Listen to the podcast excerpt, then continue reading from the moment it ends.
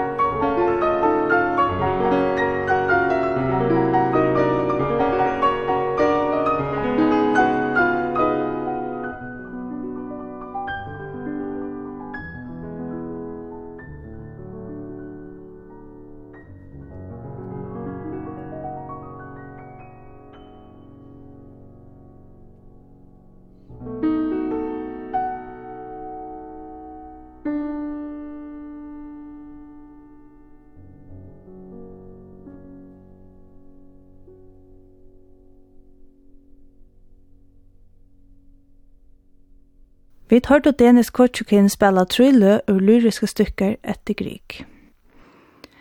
Debussy skriva i 1894 symfoniske utkynnskina a la Primidi Danfon.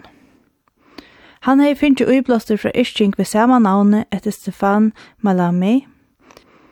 Pierre Boulez skrutt i hetta stykje av vera brianen til nutøymans tånløk, her han sier at fløytan tja faunen blæser nytt løyv i tånlistina. Ischaren Malami var ikkje særlig glæver fyrir at nekkar skulle seta tånløyk til eina isching tja seg. Han helt iver høver til å være en brottstjer av suyestidla skaldskap og tånlist, lykka mykje hva så gauur tånløykeren var skriva over. Debussy bjaua i honom tå vi til premierina av stikkjennom, og etter konsertene var Malami djupt rørtur. Han skriva til Debussy at tånaverst i alls ikkje stå us åsamjøve vi ischingina, Tvørtur møte for tonalysingen langer inn i nostalgi og ljós, vi nærlagne sensualitete og gøsko. Vi tøyra prelut av La Prémidi d'Anfon, det er radiosymfoniorkestret i Paris under løsle av Bertrand Loic og spela.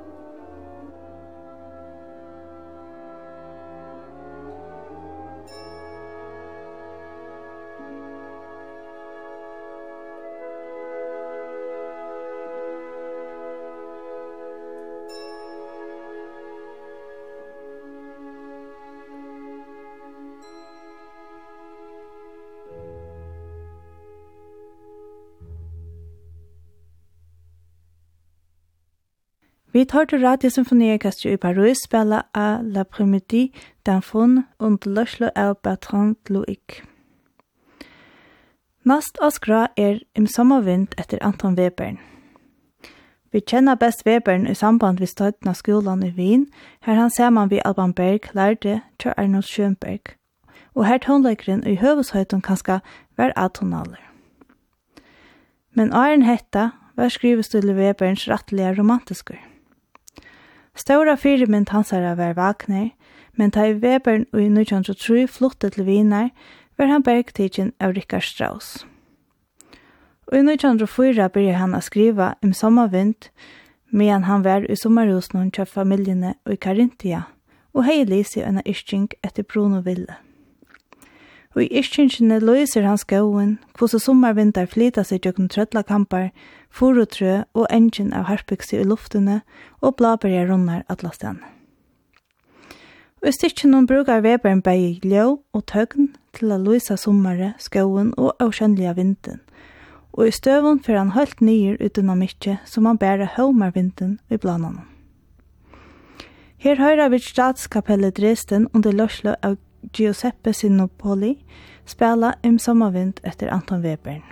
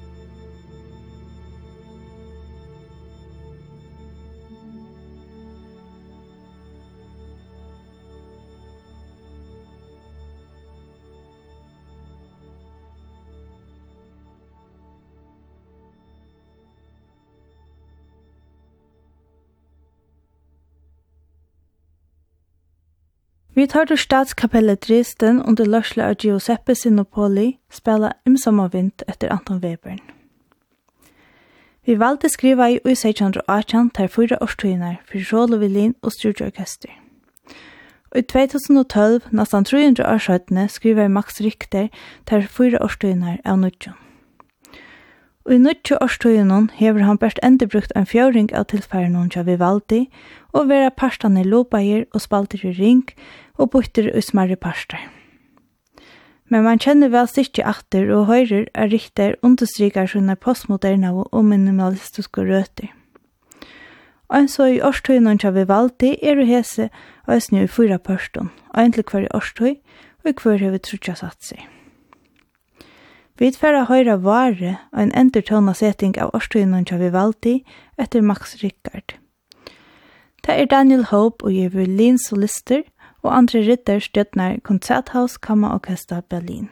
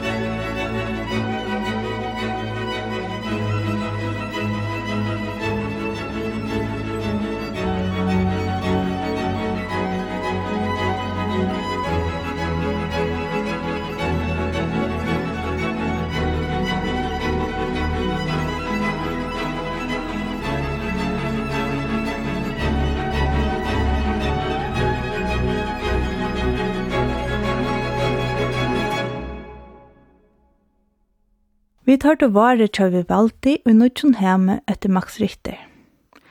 Det var konserthaus Kammerorkester Berlin under løsle av andre Ritter, og så listen om Daniel Hope av violin i Spalto. Og i 2012 gav Olav Jakobsen ut en solofløve vi høyt noen Awake My Soul and Sound Your Strings. Av utgavene er versk etter førske tøvnaskuldene Kari Beck, Sundleif Rasmussen, Christian Black, Jegan Bogstein og William Heinesen. Vån opp og slå på dine strenge etter William Heinesen er fyrsta stykje av løvene, og hever William og Brunalia skriva hesar tutsi variasjoner i Bresolmalia for solo vi Åla. Olav Sjolver hever arrangeret hetta for gittar og gefur ta stitjunum eina selja nødja dimensjón.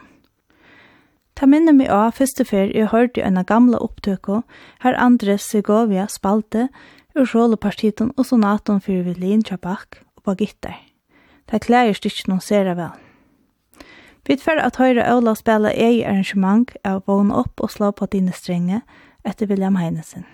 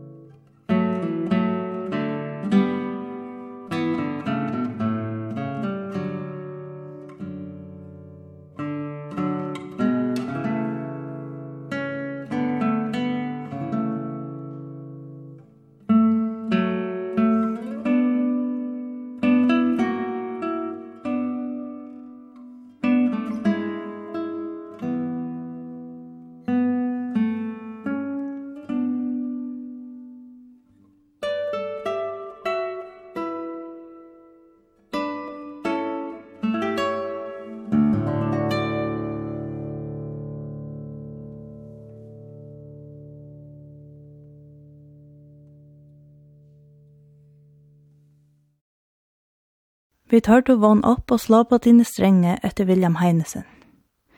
Det var Olav Jakobsen og jeg har arrangeret stykje for gittar og spalte han selv og heser i opptøkene. Vi tar et enda sendingsna vi har noen parste av Appalachian Spring etter Aaron Copland. Opprunalega skriva i Copland en ballett til Martha Graham vi en noen amerikanskon tema i. Balletten ble framført i 1944 og i 1945 blei han begynn om at endurskriva ballettene til en orkestersvito, her ta meste av tonelitjonen var tidsi vi. Kopland visste ikkje hva operaen etla svitan for at øyta, ta han skriva i hana, han brukte bara ballett til Marsta, som høyte.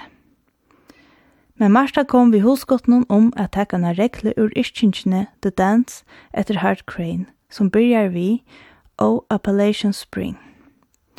Her møgnast vi eina kjeldu i Appalachefjallunum og ikkje vare, men søvegongten i åprene er tå om ein varefagna og et ungt per helt etter at de hadde bygd ein nudjan bøndager i Pennsylvania. Vi tver at høyre et bråd ur orkestersviten i Jakobland. Vi tar av satta, kjenta og sørsta sats. Det er New York Philharmonic under lørsle av Leonard Bernstein i framføra. Henta sendingen blir endersendt mannakvöld klokkan 22 og er òsni a finna á heimasynir tja kringverfnum kvf.fo framskak bolero.